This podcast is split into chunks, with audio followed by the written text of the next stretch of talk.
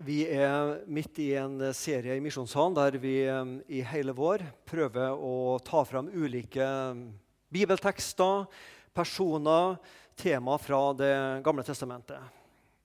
Så spor jeg Helene, er det en person i Gammeltestamentet du, du liker godt? Du vil jeg skal tale om? Så skal jeg gjøre det, sa jeg. Og kom det Ester med en gang. Så da ble det det. Så spør jeg hvorfor vil du at jeg skal tale om Ester. Jo, hun var så frimodig i troa. Så derfor er dagens tekst dronning Ester, frimodig i tro. Håper du har lest om Ester. Du skal få fortellinga veldig i eh, kortformat før liksom jeg begynner å ta fram noen punkt. Men det tar deg ca. en halvtime å lese gjennom Esters bok, ti kapitler. Og så er det pinse. Så for å si det sånn, Når du hører at Den hellige ånd kommer inn i bildet, altså du hører at jeg snakker om Den hellige ånd, da kan du vite at da er jeg langt på oppløpssida og begynner å nærme meg målsonen. Så da vet du at da går det mot slutt. Så han skal få bli med Den hellige ånd nå, for vi er jo tross alt pinse. Og Da skal vi be sammen ei bønn som er også en sang, eh, som nok er gammel, men som går sånn. Hellig ånd og himmel lue, kom og tenn mitt hjerte an så jeg Jesus klart kan skue som min Gud og frelser sann. Deg å elske Jesus kjær, er hva jeg meg ønsker her. Amen. Da jeg var liten, og da mange av oss var små, så var det en barnesang som kanskje ikke brukes så mye i dag, men som var da mer brukt, som heter sånn. Det var en sånn vekselsang mellom gutter og jenter. Nå tenkte jeg akkurat å synge nå, men 'Jeg er ei lita jente, og jeg en liten gutt'. Det vil si, man hadde vel ikke så grov stemme når man var gutt. da, men... For jeg vil ligne Daniel, og jeg vil ligne Ruth. For Ruth hun er så god og sånn. Og Daniel var modig, han. Da sang vi ut skikkelig. Og jeg vil ligne Daniel, og jeg vil ligne Ruth. Har du sunget den? Ja, det er noen som har sunget den. Flott. Nå er det ikke Ruth jeg skal snakke om, men jeg tror den sangen kanskje sier noe om at et bilde vi har, at jentene er så snille og gode og eh, ja, hjelpsomme og omsorgsfulle og alt det her. Så sånn og god. Og guttene er modige og tøffe og sterke. Det kan sikkert stemme noen gang, og det er ikke sikkert alltid det stemmer. Det stemmer iallfall ikke når det gjaldt Ester. Det vil si det stemmer nok at hun var god og sånn, ja. men sannelig var hun modig. Det fins noen modige damer i Gammeltestamentet. Søstera til Moses, Miriam, skulle litt mot til å Når de sendte ut ned kurven, og så, og så dattera til farao var der, og så springe dit og si at ja, men vi kan ta hånd om den lille gutten. Ganske frimodig tro overfor faraos datter. Du har Debora, som var en dommer, står om i Dommernes bok. Rimelig frimodig og modig, tror jeg hun var. Og du har Ester, og du har sikkert flere også. Du skal få historien om Ester i kortformat. For det er ikke sikkert den er like framme i hodet på oss alle sammen. Den var ikke det helt på meg heller, så jeg måtte, uh, måtte lese gjennom det. Hun heter egentlig ikke Ester, hun heter Hadassa. Hadassa. Men det er jo Ester som vi kjenner oss som. Hun levde i um, datidens Persia, Iran, Irak, for uh, ca. 450-500 før Kristus. Og sånn som jeg i hvert fall tolker det, så var hun en av dem som ble igjen i Persia etter mange av jødefolkene hadde reist tilbake til Jerusalem. Eh, Foreldrene hadde dødd, sånn at eh, hun hadde et søskenbarn som heter Mordekai. Han er sentral her, Mordekai. Det var et søskenbarn, og Han var tydeligvis litt eldre, så han var på en måte en fosterfar for Hadassa, eller Ester. da. Og I borgen Susan i Persia der bodde de. Det var sikkert en stor borg, mange mennesker som bodde der. Der var det en konge som heter Serkses, eller Ahasevrus. Ahasevrus, Serkses. Eh, han hadde ei dronning som heter Vasti. Eh, og lang historie kort, Han ble lei henne, for hun var ikke så lydig som han håpa at kona skulle være. Så han eh, avsatte henne og ville ha en ny dronning i hennes sted. Og, og Ester var veldig fin å se på, så han valgte henne. Så hun ble en del av kongens harem. Så han hadde visst ja, voldsomt mange koner, han eh, kong Serkses. Eh, vi leser om kong Salomo, forresten. Han hadde jo 1000 koner, så stakkars mann, sier jeg. Um, nå var det sånn at han Mordekai, da, som var søskenbarnet til, til, Ester, Han fikk greie om en drapsplan som to stykker hadde mot kongen. Og Så fikk han fortalt det til Ester, og Ester fikk fortalt det til kongen. Og Dermed så, så på en måte avslørte de en drapsplan, og, og Mordekai og Ester steg liksom i anseelse da, hos kong Serkses. Eh, men det var også en, eh, en annen mann der inne i bildet som heter Haman. Han hadde gjort et eller annet godt og ble opphøya av kongen. Og kongen bestemte at alle folk i landet skulle bøye seg for han. Ikke sant? Når han gikk forbi. Alle skulle bøye for han ærbødigste Haman. Det gikk sikkert til hodet på han, så det satte han jo veldig pris på. Og så var det en som ikke ville gjøre det, og det var Mordekai. Han ville ikke bøye seg for Haman, og det irriterte han Haman nå grenseløst. Og han ville ta Mordekai av dage, men ikke bare han, men hele jødefolket av dage. Så han fikk lurt kongen til å skrive ut en lov, og at det var lov å drepe jødene fra en viss dato. Men Mordekai får vite om det, får formidla dette gjennom mellommenn til dronning Ester. Og ber Ester egentlig gå inn til kongen og fortelle om dette her og be for jødene sitt liv. Men altså, jeg ser for meg kong Harald og dronning Sonja. De sitter og kikker på TV og spiser kveldsmat sammen og drøser om alt mulig. Det var ikke sånn den gangen. Ikke, ikke bare fordi det ikke var TV, selvfølgelig, men eh, hvis du var en del av haremet, så kunne du ikke bare komme til kongen uten videre. liksom, jeg har lyst til å snakke med deg. For hvis ikke kongen hadde invitert deg til å snakke med han, og hvis du kom ubedt, så kunne altså kongen ta livet av deg. Ja. Så kongen måtte først invitere dronninga inn til seg. Og hvis hun kom ubedt, så kunne hun altså risikere å bli et hode kortere. for å si det på den måten. Men så sa Mordekai til Lester, dvs. Si han sa det gjennom noen mellommenn. da, Du må ikke tenke at du alene av alle jøder skal slippe unna fordi du er i kongens hus. For om du tier stille i denne tid, så vil det nok komme befrielse og redning for jødene fra et annet sted. Men du og din fars hus skal omkomme. Og hvem vet om det ikke er nettopp for en tid som denne at du har fått dronningverdigheten? Kanskje er det nettopp for denne tida, i denne krisetida for jødene at du har fått en dronningverdighet og kan gjøre noe med det. Så hun tar et valg og går og møter kongen og får leve. Og hun inviterer kongen og Haban til et gjestebud hos seg to dager på rad. Og Den andre dagen så forteller hun kongen om Haman sine mordplaner mot Mordekai og jødene. Og denne Haman har fått laga en galge som han skulle henge eh, Mordekai i, for han irriterte seg noe så grenseløs over denne jøden som ikke bøyde seg for han. Og lang historie kort, det det ender med, det er at Haman sjøl blir hengt i den galgen han hadde laga for Mordekai. Og Mordekai blir opphøya og får en stor og viktig posisjon i datidens Persia. Og Mordekai og Ester innstifter en egen feiring for det, det som har skjedd, når jødene da berger livet, som heter Purimfesten. Her kan dere se forresten bilder jeg fant på Google. Med, du bare skriver inn uh, Purim, og så får du opp Det er sånn som jødene feirer i dag. De kler seg ut. Et skikkelig stort karneval der de feirer at uh, jødene ble berga.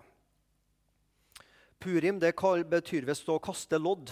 Så han, Haman ville kaste lodd om at jødene skulle drepes, men så måtte han sjøl dø for det. Så Purimfesten til minne om at Ester berga jødene. Dronning Ester, frimodig tro. Ester hadde et valg. Ester kunne tie om Haman sine planer. Da ville hun berga sitt eget liv, for hun hadde ikke røpt at hun var jøde for kongen. Da ville jødefolket blitt utrydda. Hun kunne hatt gode dager på Slottet. Eller hun kunne våge seg inn til kongen og enten miste livet, både hun og jødene, eller berge livet, både hun og jødene. Og hun valgte det siste. Ester kunne ikke ikke velge.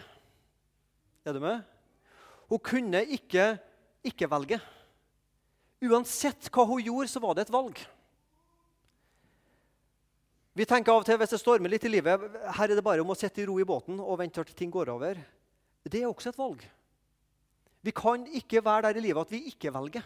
Uansett hva vi gjør eller ikke gjør, så er det et valg som har konsekvenser. Sånn også mester. Det å forholde seg passiv er også et valg. Men hun hadde en kjærlighet til jødefolket, sitt eget folk, og det overvant lysten til et eget behagelig liv og et problemfri framtid på Slottet.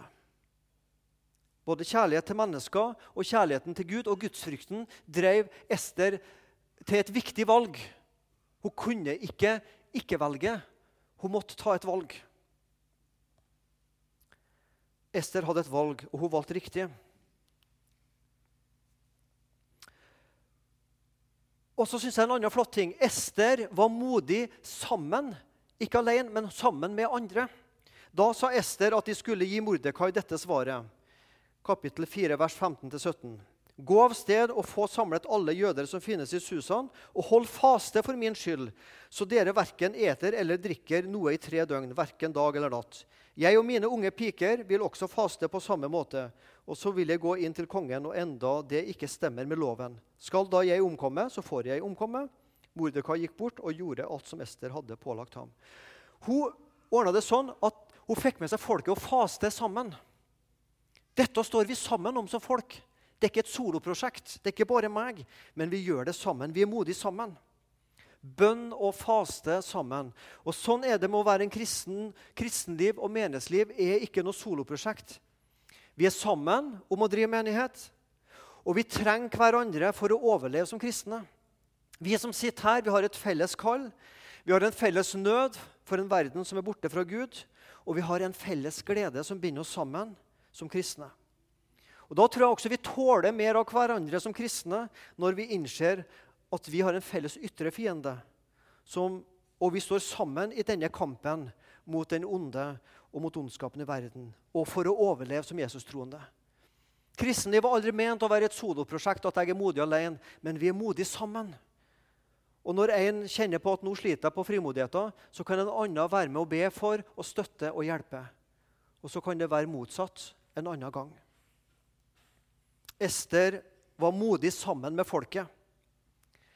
Hun møtte kongen, og da visste hun, da hadde folket vært med og bedt og fasta for det som skulle skje. Og Så skal du og jeg også en dag møte kongen. Vi skal stå en dag for Guds domstol. Og Hvordan det blir, det skal ikke jeg ta i detaljer. Men forstå meg rett, jeg tror Gud kommer til å stille meg og deg to spørsmål. Det første spørsmålet er hva gjorde du med min sønn Jesus Kristus? Og Da ønsker jeg at jeg skal svare jeg trodde på han og på det han gjorde for meg på korset. At det er nok til å slippe meg inn her. Hva gjorde du med Jesus? Jo, jeg tok imot han og bekjente han som min herre og frelser. Så tror jeg også Gud vil spørre oss ja, men hva gjorde du med livet ditt. Ikke bare hva gjorde du med Jesus Kristus, men hva gjorde du med livet ditt. Kanskje vil jeg svare, Herre, du vet alt. Du vet at jeg lyktes med mye av det jeg gjorde i livet og i menighetsarbeid. Men jeg prøvde iallfall. Jeg prøvde iallfall. Det å være passiv er også et valg. Vi kan ikke ikke velge. Det er en setning som jeg har hørt for noen år siden, som går av og til og kommer opp i hodet mitt.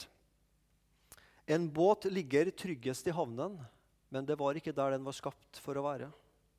En båt ligger tryggest i havnen, men det var ikke der den var skapt for å være. Ester hadde trygt og godt i havna ved kongens bord i borgen. Men du og jeg, vi har en båt.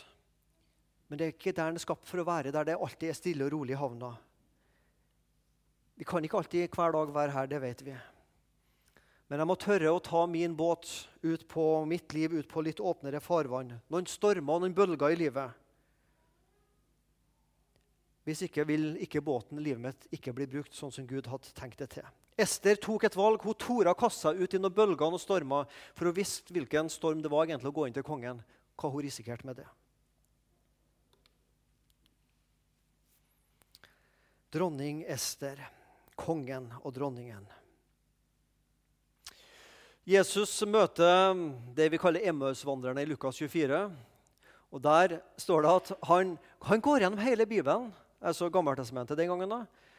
Moseloven, Skriftene, som da er et fellesbetegnelse for eh, salmene og ordspråkene, og alt det her, og profetene. Han går gjennom hele Gammeltestamentet og viser hva som står om han i alle skriftene. En lang og god vandring. De fikk en flott bibeltime. Um, jeg, lurer, jeg har lurt på noen gang Hva sa Jesus ut fra Esters bok om seg sjøl? Ja, det vet jeg jo ikke, selvfølgelig, for jeg var jo ikke der. Men, men det kunne ikke være lett sjøl for Jesus. For det er et problem her, folkens. Det at Gud ikke er nevnt i Esters bok. Visste du det? Esters bok er den eneste boka i Bibelen der Gud ikke er nevnt. Så det er jo litt vanskelig hvordan skal man få lagt ut om Jesus og Gud når Gud ikke er nevnt. Det, det, det er sant. Gud er ikke nevnt en eneste plass i Esters bok. Men finner vi spor av Gud? For det kan jo finnes spor av Gud, selv om Guds navn ikke er nevnt der. Jo, vi finner spor av Gud også i Esters bok. Gud elsker sitt folk, jødefolket, som nå var tatt fra Judea og Israel og til Persia, til Babylon og det området der. Gud har ikke glemt sitt folk. Gud passer på sitt folk. Gud elsker og elsker fortsatt jødefolket. Det er hans folk. Og Guds historie med jødefolket er his story. History is his story. Det er Guds historie med folket. Jo da, Gud elsker sitt folk, og han er nær dem og hos dem i ei vanskelig tid. Og Så leser vi også at Ester og folket fasta. Og det var ikke for å bli to kilo lettere de fasta. Det var for å gå inn i en bønnekamp for å overleve som folk. De søkte Guds nærhet og Guds hjelp. Jo da, vi finner spor av Gud i Esters bok, sjøl om ordet Gud eller Herren ikke er nevnt en eneste gang. Gud, Ester og kongen. Jesus er vår konge, og vi er hans brud. Kanskje har du der også en sånn spor av Gud i Esters bok. Dronning og konge. Gud er vår konge. Vi er Jesu Kristi brud, som det står i Nytestamentet. Det å søke Gud Ester måtte satse på nåden. At kongen viste henne nåde og ikke tok livet av henne. Du og jeg, når vi søker Herren, så er det ikke noe vi har rett på. Det er ikke noe vi har krav på at han bare må stille opp og lytte på oss. Ja, han vil det, men det er av nåde at han gjør det. Vi kan ikke kreve at Gud viser oss godhet og tilgir oss. Gjør han det, og heldigvis gjør han det, så er det av nåde. Så tenkte jeg også på en annen ting. Kongen, kong Serkses, eller Ahassevrus, han så på Ester sitt ytre. Og Han la nok sikkert merke at det er noe med den personen også. Men han så på, det var et flott ytre. Jesus han ser ikke på vår skjønnhet, hvis vi nå har det, da, eller vår åndelige gull og glans, et perfekt liv. Han ser heller ikke på grader av godhet i vårt hjerte, men han ser på hva som er vårt behov. Å få tilgitt synder i vårt liv. Det er det han ser på. Så er du og jeg Jesu brud. Vi er, møter kongen Gud. Ester sleit nok litt med frimodigheten, for hun visste at dette kunne gå til død. Det står et veldig flott vers i Hebreerne 10,19. Så har vi da, søsken, brødre og søstre, frimodighet ved Jesu blod og gå like inn i helligdommen. Her går Ester inn i kongen, og så kan vi frimodig komme fram for Gud i kraft av Jesu blod. Når jeg møter og du møter kongen Gud, så er det Jesu navn. Det er Jesu liv. Det med Jesu offerblod, og det med hans fullkommenhet. Der ligger din og min frimodighet. Ikke i oss, men fordi vi kommer i Jesu navn. Det gir oss frimodig tro. Amen? Ja. ja, det er så flott. Jeg kommer framfor Gud frimodig, for jeg kommer der i kraft av Jesu blod. Ester hun kunne ha berga sitt liv ved å tie. Jesus hadde også en mulighet til å berge sitt liv ved å gå ned av korset. Det er ikke vanskelig for Jesus å gå ned korset. Er det noen som tror at det var et problem for Jesus å rive seg løs? han som kunne gå gjennom stengte dører. Ingen problem for han å gå ned korset hvis han ville. Hun kunne ha tida, men gjorde det ikke. Han kunne ha frelsa seg sjøl, men han gjorde ikke det. Ester hun vågde sitt liv. Jesus ga sitt liv. Ester talte jødefolkets sak overfor kongen. Og Jesus og Den hellige ånd da skjønte du da, vi er på oppløpssida, er våre talsmenn. Pinse, Jesus skal sende den andre talsmannen. Er det den andre talsmannen, så er det den første talsmannen. Og hvem er det? Det er Jesus. Jesus er den første talsmannen, men hva er det som skiller dem? Jesus og Den hellige ånd? Jo, Jesus han er vår talsmann overfor kongen.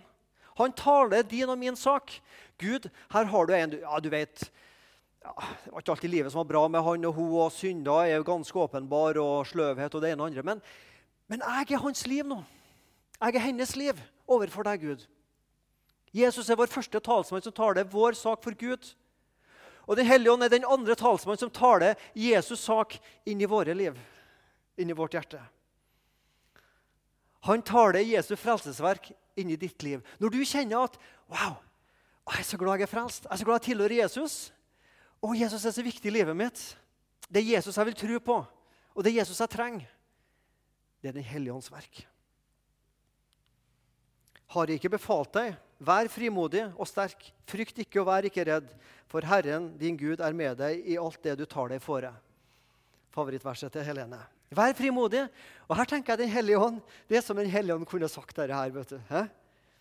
Frimodig, vær frimodig. Det består av to ord, fri og modig. Vi er fri i Kristus. Den hellige ånd taler Guds ord til oss, og hva vi eier i Kristus. Så vi er fri og frelst, og så kan vi være modige og stå fram som kristne. Jeg tilhører Gud, jeg bekjenner meg til Han. Skjemmes ikke over det. Jeg tilhører det Guds folk her på jorda. Og så har Den hellige ånd lova å være med den største synder som vender om. Den hellige ånd har lov til å være med den som føler seg åndelig tom, men også den som kjenner på at det er åndelig kraft i livet. Den hellige ånd har lov til å være med den som ikke klarer å fikse kristelivet som han eller hun skulle ønska. Og Den hellige ånd har lov til å være med likeså den som ønsker å utrette noe i Guds rike. Vær frimodig i Jesus Kristus. Han tar det din sak overfor far. Vær frimodig i bekjennelser. Ingen grunn til å skjemmes over å tilhøre Jesus. Vær frimodig i tjenester i Guds rike, og vær frimodig fordi Den hellige ånd har kommet med sin kraft og sitt nærvær. Herre Jesus, i Faderens, Sønnen og Helligånds navn, vi takker deg for Ester og det hun gjorde overfor jødefolket. Og vi takker deg for du, din kraft er den samme i dag. Herre, la din kraft og nåde og frimodighet være over vårt liv. Amen.